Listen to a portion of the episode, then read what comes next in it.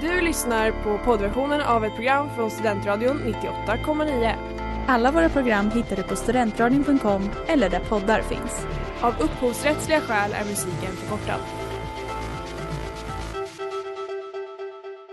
Vi har det så lugnt och skönt här i Stockholm. Ja, stockholmare är smartare än latisar. Stockholmare tror att en lägenhet kan vara värd 43 000 kronor kvadraten. Tycker att det är okej att köa en timme för att komma in på en krog där ölen kostar 60 spänn och tycker att det är rimligt att en latte kostar 40. Är vi intelligentare så är vi jävligt bra på att dölja det alla. Vad gjorde Fabbe för något då?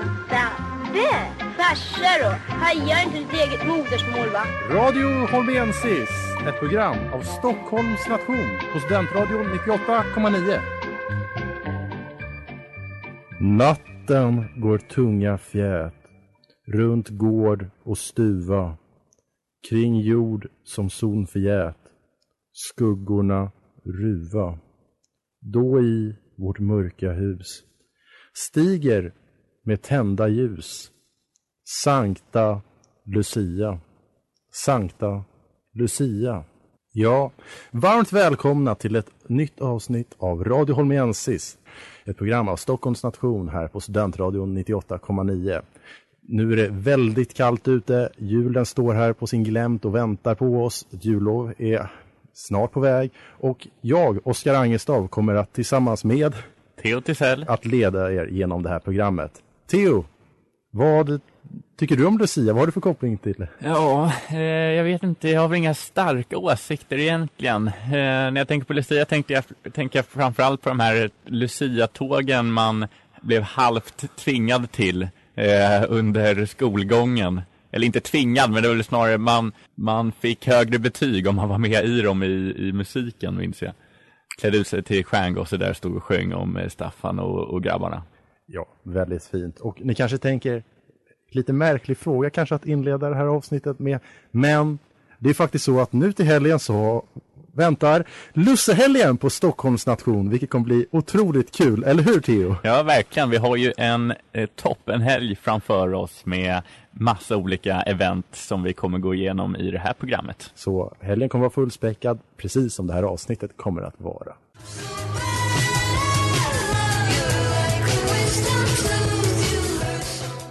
Det här är Robin och du lyssnar på Studentradion 98,9.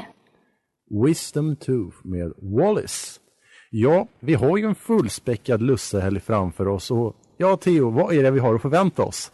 Ja, på torsdagen så smygstartar vi med en eh, torsdagsklubb som sen går vidare till fredagen där det blir en slabb. Och på lördagen så har vi ju själva huvudeventet, nämligen Lussegasken, för att till sist avslutas på söndag med en brunch. Ja, ska vi börja kanske lite i kronologisk ordning då?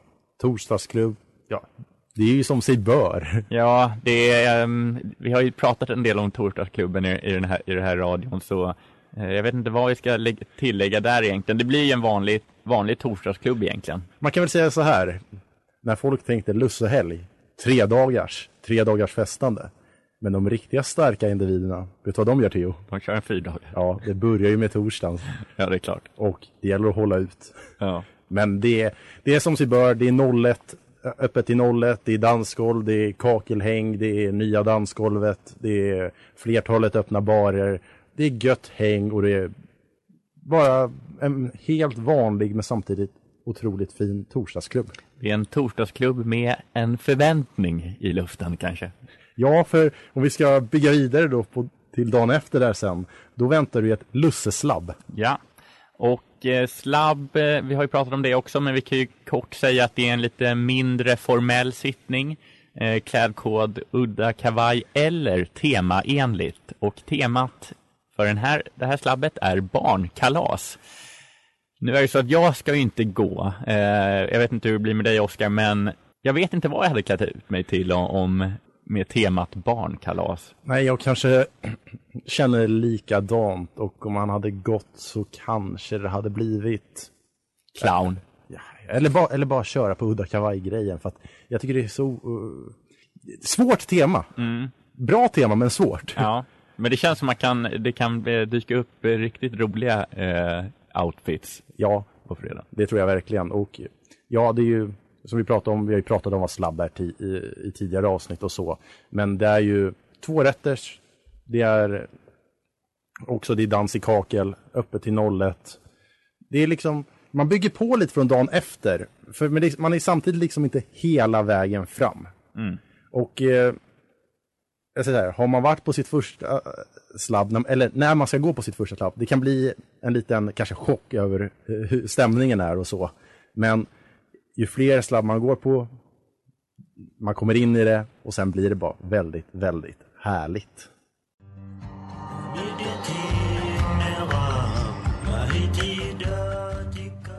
Tamiditin med Imar Han här i Radio Holmiensis på Studentradion 98,9. Ja, nu har vi avhandlat hälften av vad vi har framför oss de här kommande dagarna. För sen på lördagen, då kommer ju huvudrätten. Vad är det som kommer Theo? Ja, men det är ju gasken då. Och eh, inte bara att det kommer vara en fantastisk gask, det vill säga en lite mer formell sittning, utan det blir också släpp efteråt till 04.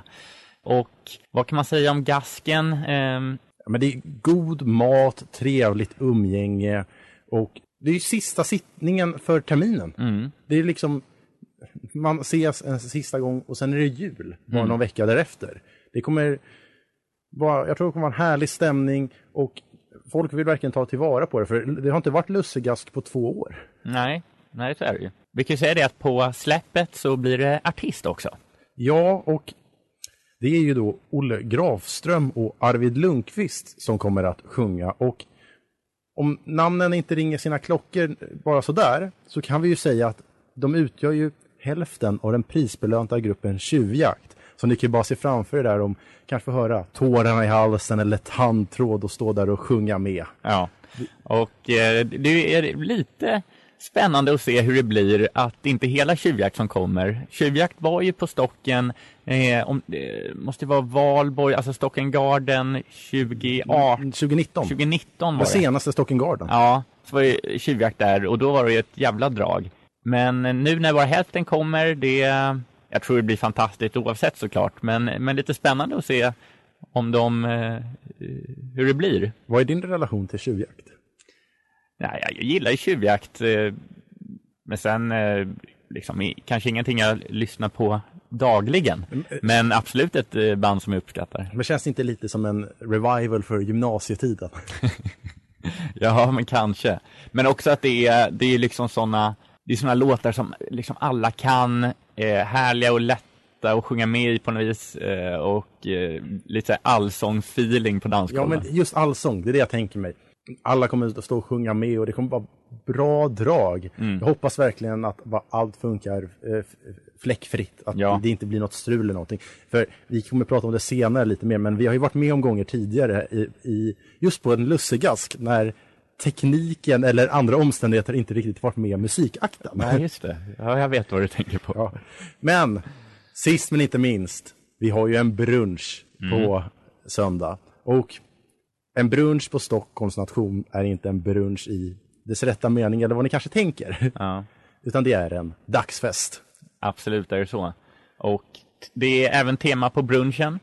Och om slabbets tema var eh, lite svårt att eh, föreställa sig vad folk skulle vara utklädda till så kan man säga att det här temat är desto lättare. Det är nämligen Heaven and Hell.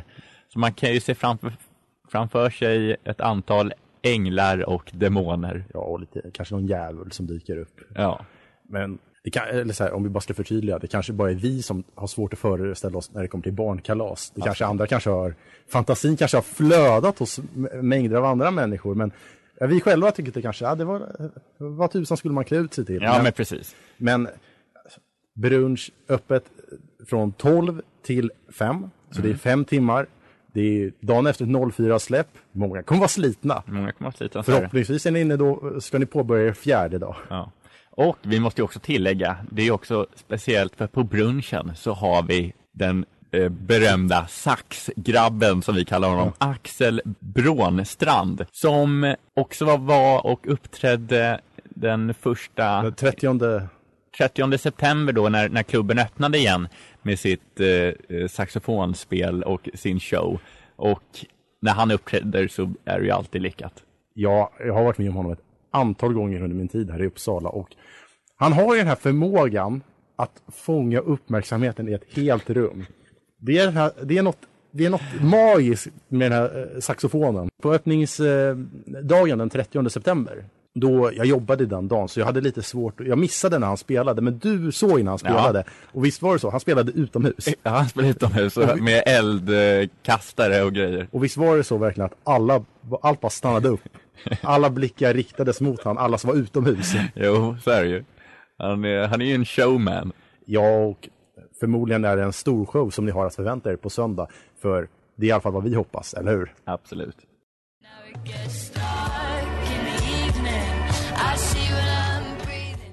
Gott folk, gott folk, gott folk. Det här är Timbuktu och ni lyssnar på Studentradion 98,9. Skruva upp volymen. Balcony med TV Room, vilket även är veckans singel här i Radio Homiensis på Studentradion 98,9. Ja, nu har vi gått igenom vad som kommer utgöra denna magnifika helg. Men vi tänkte så här, som de rävar vi är i Uppsala studentliv kan vi prata om våra tidigare erfarenheter från lussehelgar. Och, och vi, tänk, vi kan ju börja med 2017. Det var första gången vi båda var på en lussehelg. Ja, precis. Det, jag minns det som en jäkligt kul gask. Eh, med, och artisten då var Labyrint. Jag älskar ju Labyrint, så jag blev jätteglad att, att det var de som kom dit och spelade. Och vi kan ju förtydliga vad, du hintade om det tidigare Oskar, lite tekniskt strul. Det var väl att brand brandlarmet gick igång? Ja, det var inte bara en gång, jag tror att två, tre gånger. Ja. Så att, De hade enorma rökmaskiner och vad det var. Och... ja, jag tror inte man hade stängt av det just då och det som ledde till att när brandlarmet gick igång så s- stängdes strömmen av till deras mikrofoner. Så de stod ju, det var mitt under någon låt så bara, eh, mikrofonerna dog. Ja. Men eh, vi kan ju börja med att den helgen så körde, ja jag vet att Theo, du körde torsdag och lördag den gången. Mm. Jag körde torsdag, fredag, lördag. Jag gick inte på brunchen. Nej. Men på den torsdagen som vi var på då, ja, den gången var faktiskt ett litet roligt tema eller så. Det var stektorsdag nämligen på Stockholms station och då kunde man ju borda. Just det. Och sen på fredagen så var det ju vet du, det, slabb då och jag var där. Jag minns att det var jäkligt kul. För och det var första lusseslabbet som jag var på bara, bara god stämning och man fick uppleva lite av de överraskningar som väntar för er som ska gå på fredag. Mm. Minns du vad temat var då? Nej, det gör jag inte. Det är fyra år sedan. Men, eh, och sen den gasken. Det jag minns lite från den gasken dessvärre, det var att det tog väldigt lång tid att få maten. Mm. Alltså, jag tror det var två timmar mellan förrätt och varmrätt. Ja. ja, då minns du mer än vad jag gjorde. Jag var fullt upp med annat. Ja, lite dimmigt. Så kan man säga. Ja. Och sen då, så, du har väl inte varit på någon mer lusse? Nej. jag. Jag var ju faktiskt och körde 2019 då. Då körde jag fyra dagars. Mm. Och det var intensivt. Torsdagen kommer jag ihåg, den var rolig.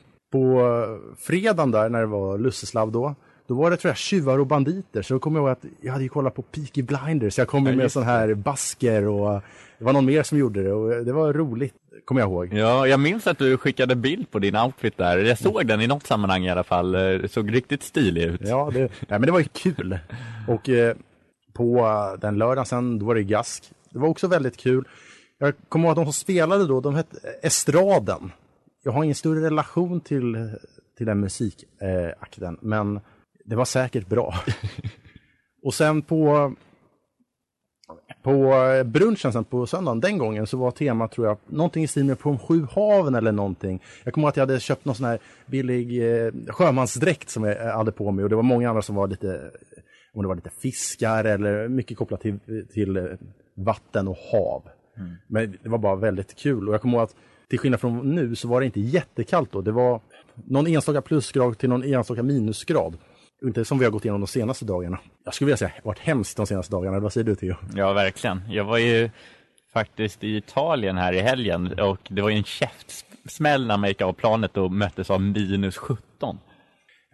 Man, får, så här, man har fått prisa sin förkärlek för långkalsonger igen, eller hur? Ja, verkligen.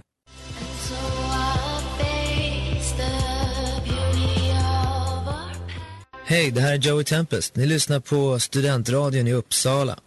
In Love But Out of Sight med Boy Omega featuring Makthaverskan. Ja, det är en till grej som vi skulle lägga till när det är kopplat till Lussehelgen. Och det är faktiskt att vi kommer gästas av våra vännationer från Lund. Malmö nation och Göteborgs nation som båda kommer upp i ändå relativt stora tal och kommer bidra till den härliga stämningen.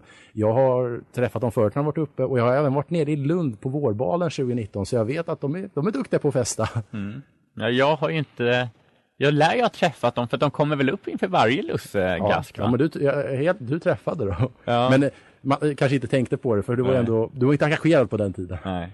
Man märker väl enklare att tänka om man är engagerad. Mm. Och eh, nej, men det ska bli bara jäkligt kul att de kommer upp. Det är ju faktiskt första gången på två år som någon av dem kommer upp. Men vi tänkte även så här lite, även, vi är ändå lite rutinerade skulle vi vilja påstå när det kommer till lussehelgen. Och jag tänker så här, tips från coachen.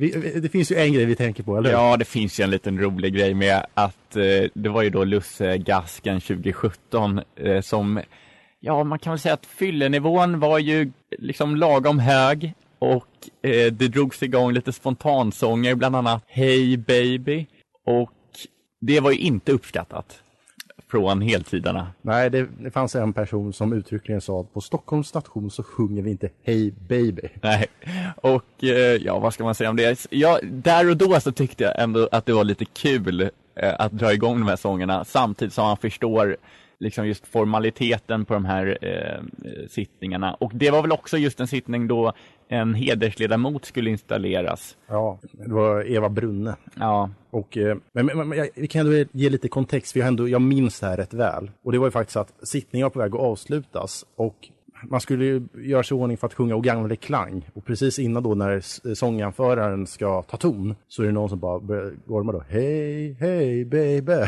Mm. Och så tänker ju flera som går på sin första lustgast, jaha är det det här vi sjunger nu?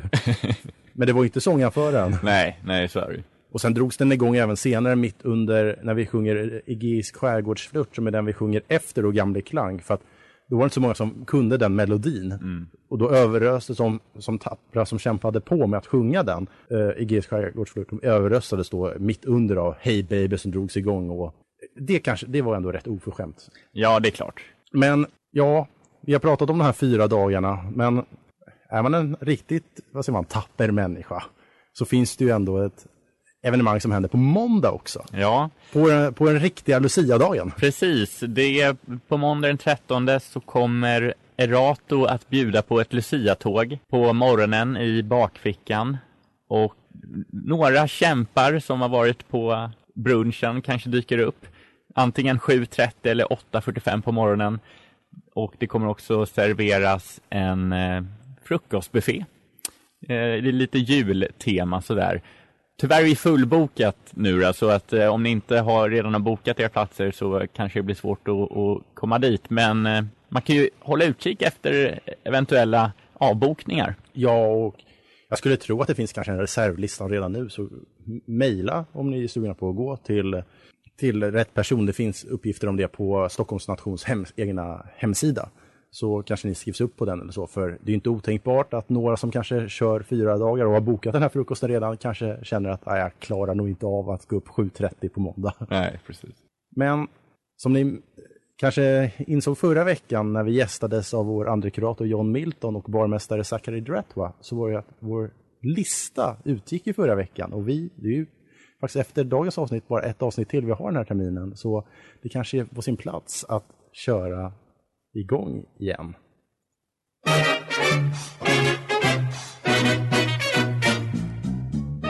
Radio Holmiensis, helt objektiva lista över de 15 främsta stockholmarna de senaste 100 åren.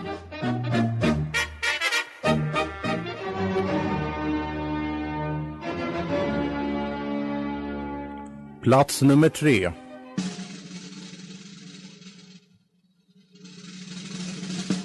Olof Palme.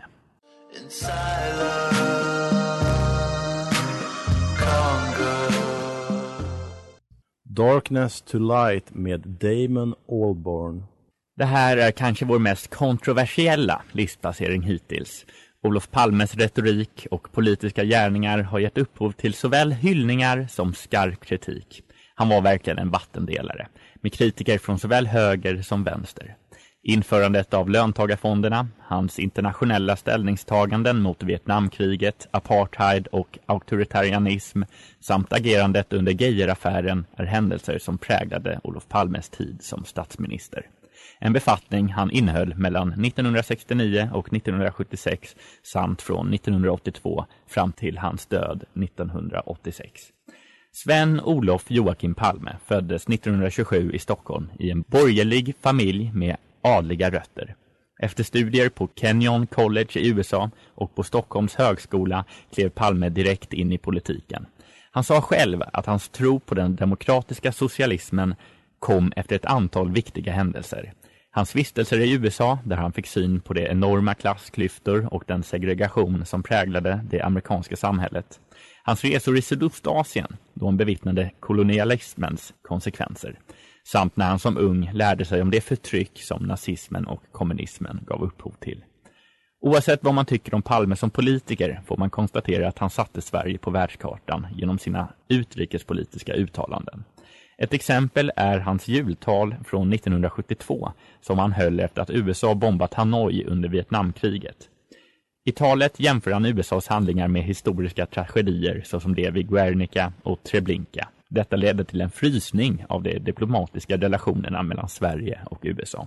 Palmes internationella arbete för frihet och rättvisa är också den huvudsakliga anledningen till varför vi rankar honom som den tredje främste stockholmaren de senaste hundra åren. Vad säger du Oskar? Jag säger så här. Olof Palme, det är verkligen en person som satte Sverige på världskartan. Och det behöver man inte vara politisk för att inse. Han eh, gjorde aktioner som, liksom, han protesterade mot såväl högerdiktaturer som vänsterdiktaturer. Det var liksom, han, han hade verkligen tron på rättvisa och frihet. Mm. Och det, det förkroppsligade hela hans uh, arbete egentligen. Det, kanske bästa exemplet är att när han protesterade mot eh, Franco-regimen i Spanien. Och, och, om, jag tror han kallade dem för satans mördare i samband med att det var någon fängslande som hade skett av opposition. Mm. Eh, då om regimen. Så gick han även runt på Sergels torg, en insamlingsbös och samlade in pengar mot eh, Franco-regimen. Och då kommer jag ihåg just att det här, det här klippet finns på nätet. Och då är det en äldre dam som kommer fram och säger att Ja, jag skänkte pengar precis eh, där borta till en annan, men jag måste ju skänka till dig också när du går här.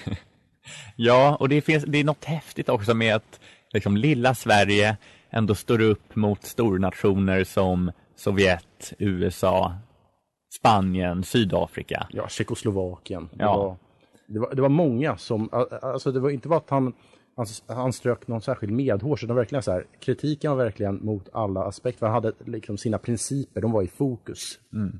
Och det var ju liksom lite efter honom också som det här begreppet humanitär stormakt myntades just att Sverige, ja vi kanske inte kan konkurrera militärt med stornationerna men vi ska i alla fall ha principerna på vår sida. Ja, och folk som kanske har växt upp idag och kanske inte har den, samma, den kopplingen till Palme, det har ju inte vi heller, men det vi har fått det framförallt genom våra föräldrar som ja, de levde under när han var verksam. Men de kanske tänker mest på att ja, världens längsta mordutredning i historien, där ja, kopplat just till mordet på Olof Palme. Och ja, vi kommer inte gå in och spekulera.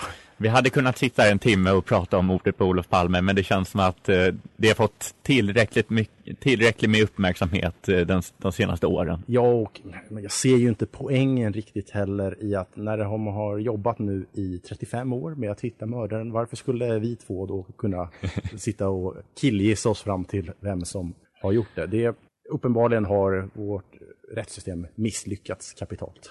Men det är ju faktiskt så att vi har två platser kvar på listan. Vi sparar plats nummer ett till nästa vecka, för nu är det dags för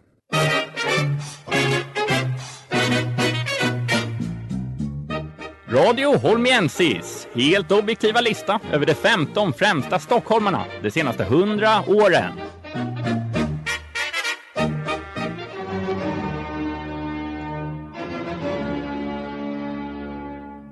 Plats nummer två.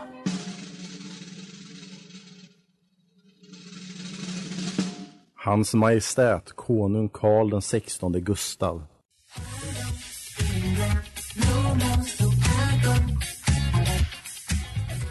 –98,9 Studentradion Uppsala. Det här är Dennis Pop. Stay tuned.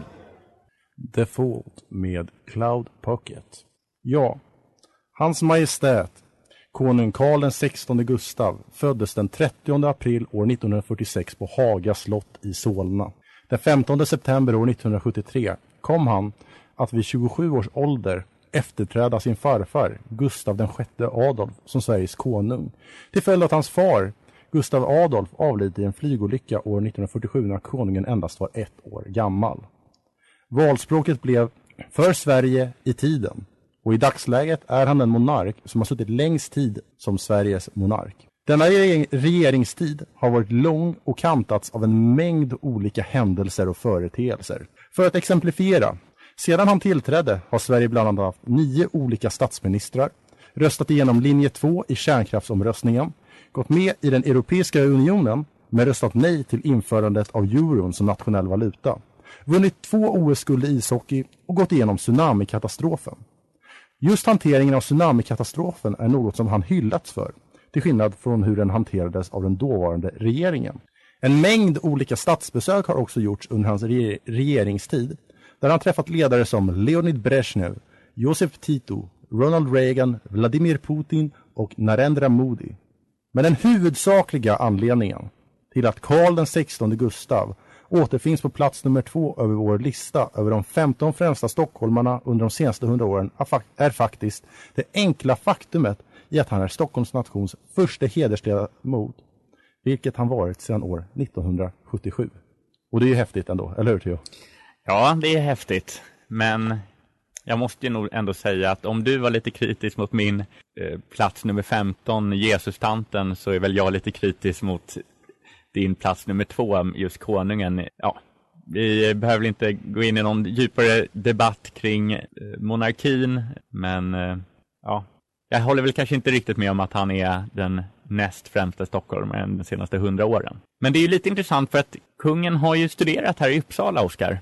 Ja, det har han verkligen gjort. För den 2 september år 1968 påbörjade kronprinsen då sina studier vid Uppsala universitet. Och han fick en skräddarsydd orientering i ämnena sociologi, historia, statskunskap, finansrätt och ekonomi.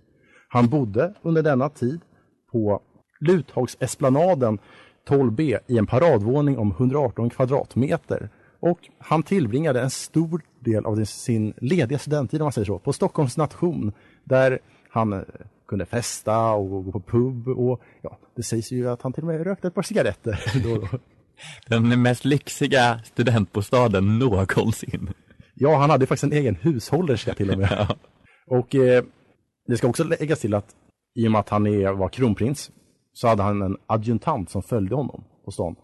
Kan ses nästan som en kanske lite dåtidens form av livvakt på det mm. sättet. Och det sägs ju att eh, adjutanten ibland behövde mota bort otrevliga personer och att ja, om vi säger så här, han skrev in sig 1968. Ni som kan er historia vet att det startades en ganska stor vänstervåg då i världen.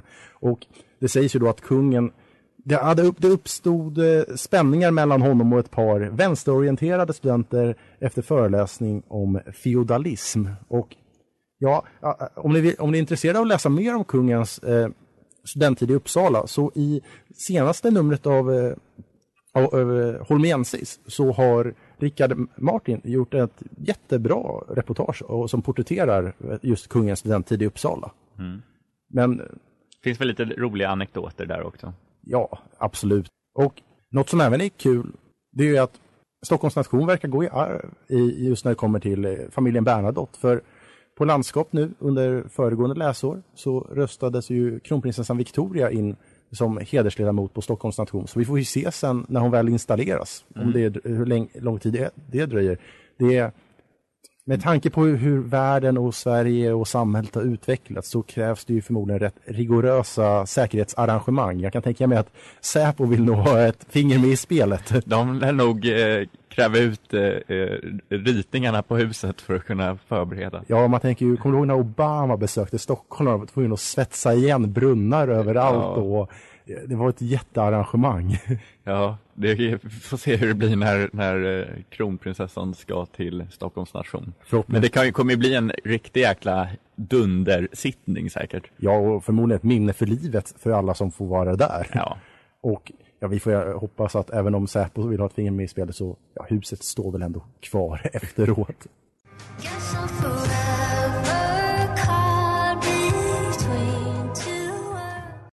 Split med Nicky featuring 88 Rising här i Radio Holmiensis på Studentradion 98,9. Och ja, programmet börjar närma sig sitt slut. Vi har förhoppningsvis byggt upp era förväntningar inför den här kommande lussehelgen och ja, nu börjar det dra ihop sig. Nästa vecka kommer eh, plats nummer ett att avslöjas på listan och ja, vi kan väl hinta lite så här att jag tror att rätt många kan nog förstå vem som är nummer ett. Jag, jag, jag, jag, jag tror ändå att en majoritet kan acceptera den personen, eller vad tror du? Ja, det tror jag absolut. Sen tror jag kanske inte att det är så många som redan nu har en hum om vem det är. Eh, för att det kanske inte är någon man tänker på i första taget, men... Alla men, har hört talas om honom. Ja, så är det absolut.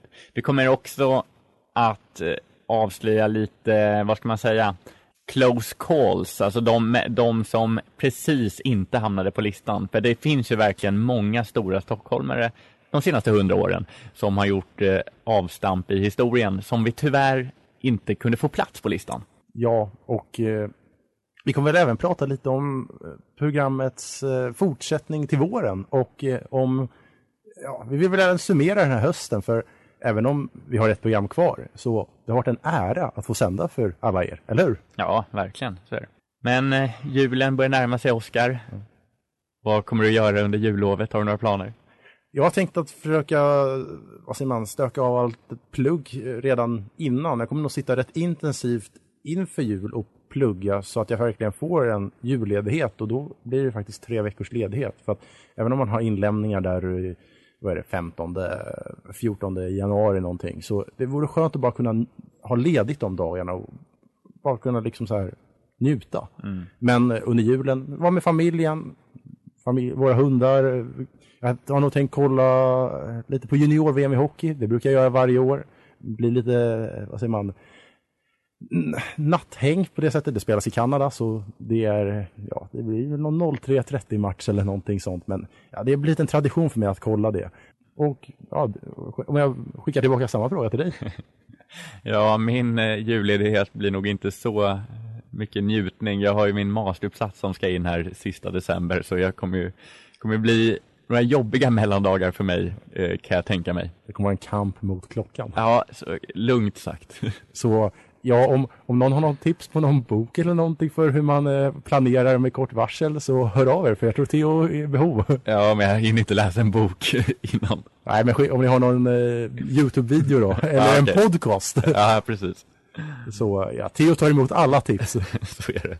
Och ja, Theo, du, jag frågade dig i början av programmet vad din koppling till Lucia var. Mm. Eller vad din relation var till Lucia. Mm. Och ja, ni kan, jag tror du och kanske fler är intresserade av min relation till Lucia. Så Oskar, vad är din relation till Lucia? Ja, jag skulle säga så här, det är inte så mycket att hänga i julgranen. Det är att det var de här Lucia-tågen i dagis och jag kommer ihåg att jag var utklädd till jultomte. Ja. Det är inte så mycket mer eh, vad säger man, uttömmande än så. Men jag kan säga så här, jag varit på flera Lucia-tåg under gymnasiet. Jag gick på Viktor Rydberg Odenplan och de höll ofta, man höll det gemensamt med övriga gymnasier med stor, ett stort Lucia-tåg som hölls i Gustav Adolfs kyrkan där vid Odenplan. Mm. Och det var riktigt häftigt. Alltså, vi snackar kanske 70 pers, det var flerstämmigt och det var... Jag såg det, det var alltid en kul grej att gå på för att alltså, när vi var små och gick de här Lucia-tågen, det var, det var ju de här enkla visorna men det är ju någonting annat. Det var nog ingen fröjd för öronen för de som lyssnade. Nej, det var väl mer lite stolthet kanske då över, från föräldrahåll. men att se de här när det är fantastisk sång och de här lite mer avancerade eh, sångerna som kräver flera stämmer. Det var en njutning för öronen. Hade ni såna, några sådana Lucia-tåg under gymnasiet? Inte på eh, Gustav Adolfs kyrka sådär. Vi hade liksom i aulan på skolan. Och då var det att eh, inga, jultom inga tomtar, men då var det stjärngossor och tärnor men jag minns när jag var, när jag var yngre, då var jag alltid utklädd till tomte. Som alltid hade en kompis som alltid var utklädd till pepparkaka. Vänta, nu har du sagt här att du både har tomte och stjärngosse. Ja, men jag har varit på många Lucia-tåg, Oskar. Ja, du är en erfaren man när det kommer till det, märker jag. Ja. Jag hoppas att, jag, att eh, vi ser dig på måndag på frukosten. Nej, jag tror inte det, men eh, vi får se. Och vi vill med det säga att vi som har sänt idag är Theo Tisell och jag, Oskar Angestad. Och vi önskar er en, som vanligt, helt fantastisk torsdag. Och fan, se till att tagga till nu ordentligt, för den här lusthelgen, den ska gå till minnena.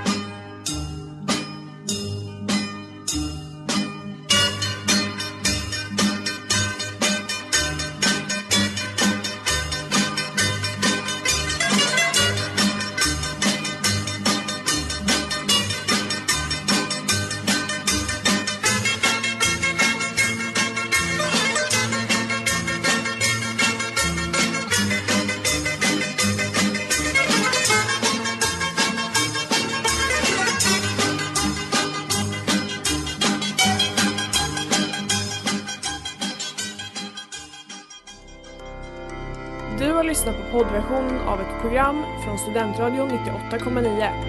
Alla våra program hittar du på studentradion.com eller där poddar finns. Och kom ihåg, att lyssna fritt är stort, att lyssna rätt är större.